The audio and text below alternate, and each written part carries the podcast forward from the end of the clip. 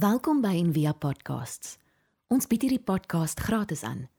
Om 'n bydrae te maak, besoek gerus ons webblad en via.org.za vir meer inligting. Dit is goeie Vrydag en 'n mens vra seker maar ja, wat is goed in hierdie dag? Net soos wat ons op die oomblik ook vra, ehm um, wat se sin is daar in hierdie ongelooflike lyding en pyn waarin soveel mense nou verkeer? Dink vir 'n oomblik daaraan, hoekom word 2020 na Christus die wreedste brutaalste dag word gemerk op ons kalender vir wat want dit help jou met jou grootste behoefte wat jy het en dit is hoe gaan jy om met pyn, verlies en die dood in hierdie lewe. Baie van ons ken vir Scott Peck, um, die bekende psigiater wat die boek geskryf het Road Less Traveled. En toe hy Christen word, toe vra hulle vir hom: "Skat, hoekom word jy nou Christen?"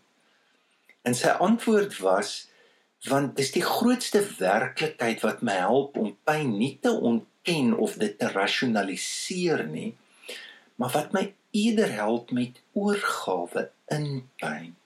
in 'n diep verbintenis aan my menslikheid en my stoflikheid. Nou die woord mens, humus, beteken stof. En dis hoekom ons nou ook die by elke begrafnis die bekende woorde of formulier gebruik van stof is jy en tot stof sal jy terugkeer. Dis geweldige woorde want in daardie woorde is die lewe opgesluit. Jy is stof En jy moet probeer verstaan maar hoe word die asem van God? Hoe maak dit jou lewendig in die stof? Ek dink nou aan Psalm 23 waar Dawid bid. As jy na dal van doodskade weet toe gaan die een vertaling sê you let me catch my breath. En in hierdie tye dan is dit asof ons asem word weggeslaan die skok van alles. Jy sien dit ook in Jesus se lewe. Ons het nou gekyk na die laaste lydensweek en jy sien absoluut 'n godsverduistering in hom. Dat die diep verbintenis aan sy menslikheid word so sigbaar as hy sê laat hierdie beker verbygaan.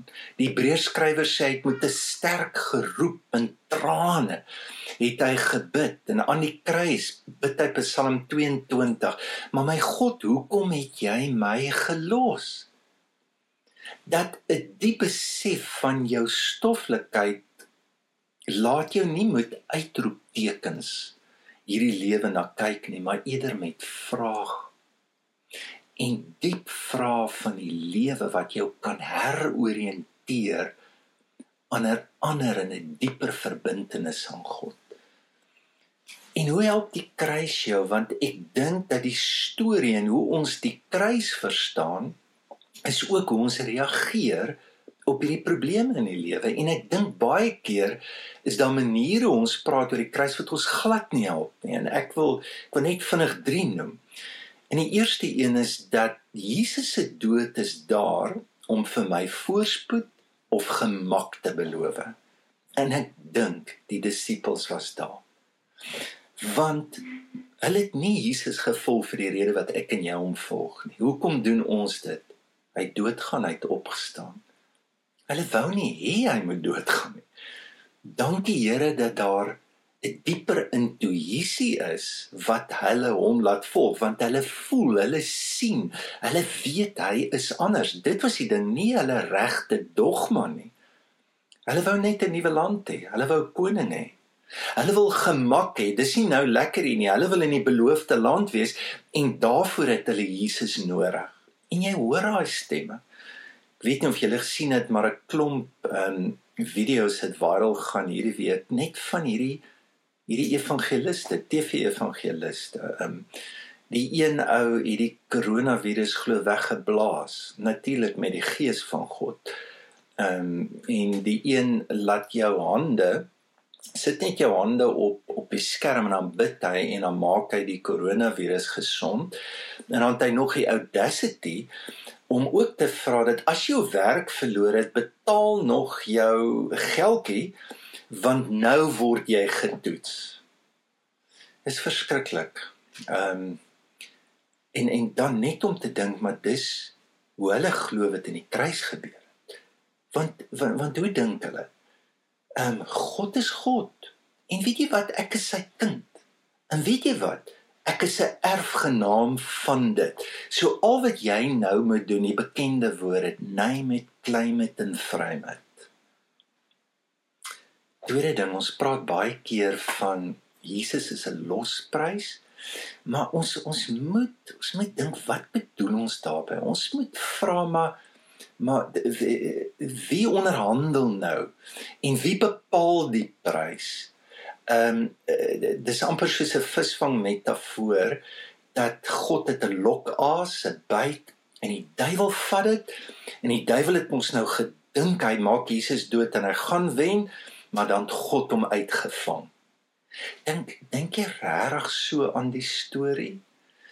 Ehm um, ek dink daar help die Ou Testament ons dat al die offers het nooit gegaan om te betaal vir sonde nie. Dit was om 'n ruimte en 'n plek te skep waar God teenwoordig is en om God uit te nooi na jou lewe toe. En dit altyd gaan oor vergifnis, restituisie, maar nooit oor die vervanging van iets nie. En dit is ook nie so nou met die koronavirus nie. Jy hoor baie keer in die taal ja dat God kry nou die aandag van die mense. En dat ja, hier's nou 'n klomp mense wat gaan betaal en is gewoonlik die sonnige mense wat nou ook swaar kry en dit is nie die waarheid nie. Wat wat verskriklik hartseer is, dis die mees brooste en kwesbaarste mense wat nou geraak word. En dit is nie dat God ewe skielik die wêreld is oorbevolk en dis hoe hy die goed nou vinnig regstel en iemand moet nou 'n prys betaal. En dan die laaste ding wat ek net wil noem en dit hoor jy baie en uh, jy het dit nou gehoor met een van um, Donald Trump se kapelane ook wat hy aangestel het is dat um, ja die wêreld is sondig en God kan dit nou nie meer vat nie. Want ehm um, ja die aarde vernietig ons. Ons is totaal uitsink met die met die natuur.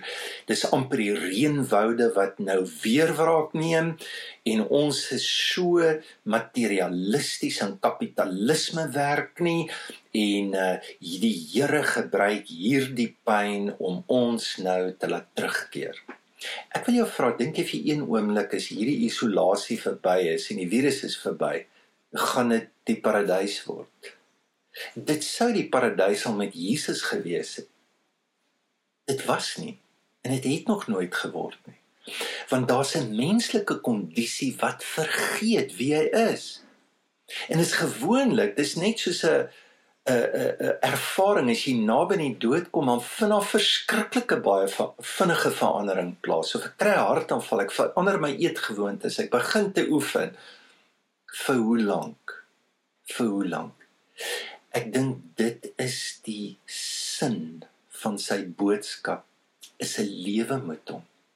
En ons die lewe neem jou kruis elke dag op. Is nie 'n vinnige transaksie wat jy maak om in die hemel te kom of om hierdie wêreld te omskep nie, maar dis reeds om in hierdie wêreld te lewe en dat God jou help dat jy na jou diepste afhanklikheid en menslikheid toe gaan.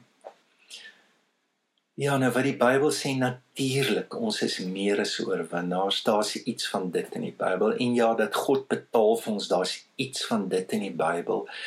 En dat die Here ja regverdigheid soek daar's iets van dit ook in die Bybel maar is dit nie in die konteks van liefde is nie dan het ons nie 'n boodskap nie. En hoe maak die Here hierdie wêreld reg? Die Here maak dit reg deur wat? Deur liefde. Inteendeel die die boodskap van die kruis is eintlik om ontslae te raak van die straf. dat in Jesus word nie 'n sondeoffer nie. Eh, dis eintlik hy is die offer wat ons help om nie ander op te offer of om sondebokke te maak nie.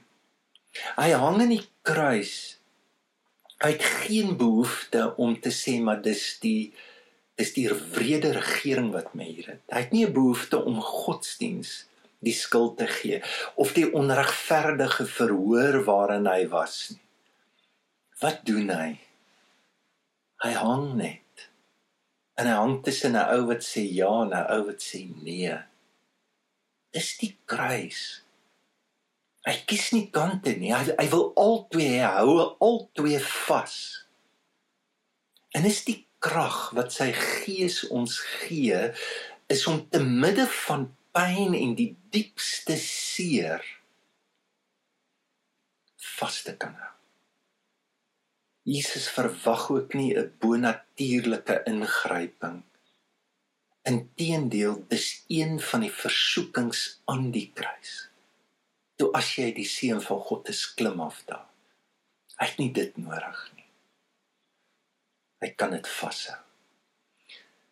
En dan net die laaste ding waarna ek gedink het, ehm um, ja, isolasie beteken nie verwydering nie en ek dink dit was ook 'n tyd wat hy aan die kruis al bid hy Psalm 22. Is dit dalk die tyd wat hy die naaste nabyheid van God en van mense ook ervaar het. En jy sien dit. Jy sien dit toe hy vir Johannes sê, Johannes, hier is jou moeder. En dan sê die Bybel en Johannes het haar huis toe gevat. In sy diepste pyn gee hy om vir die mense die naaste aan ons. Ek het geen twyfel hoe maak God hierdie aarde reg is deur 'n nuwe verbintenis wat ek maak met die mense die naaste aan my En is hierdie nie 'n goeie skool om in te oefen? Nou is alles weggevat van jou want baie keer ontvlug ons. Maar maar hoe lewe jy nou met die mense die naaste aan jou? Wat gebeur daar? Dis die toets. Want anders is ons dit nooit buite kan doen. En is so hy hierdie plek deur 'n die diep omgee vir mekaar in die wêreld herstel.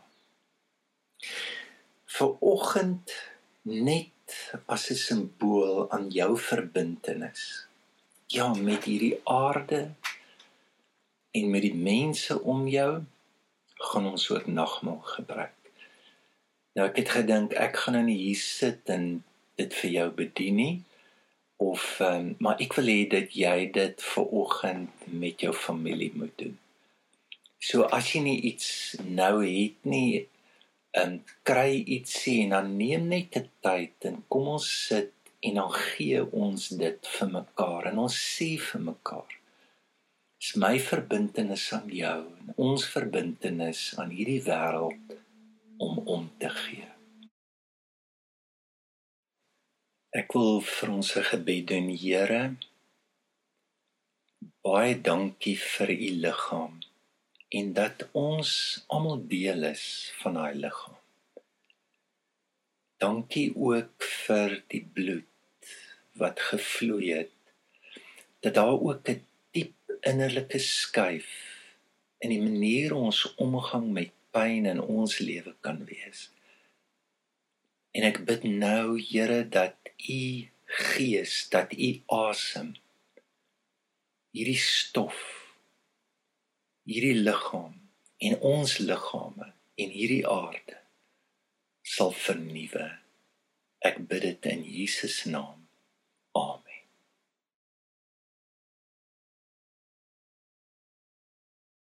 Ons hoop van harte jy het hierdie podcast geniet of raadsaam gevind. Besoek gerus en via.ok.za vir meer inligting.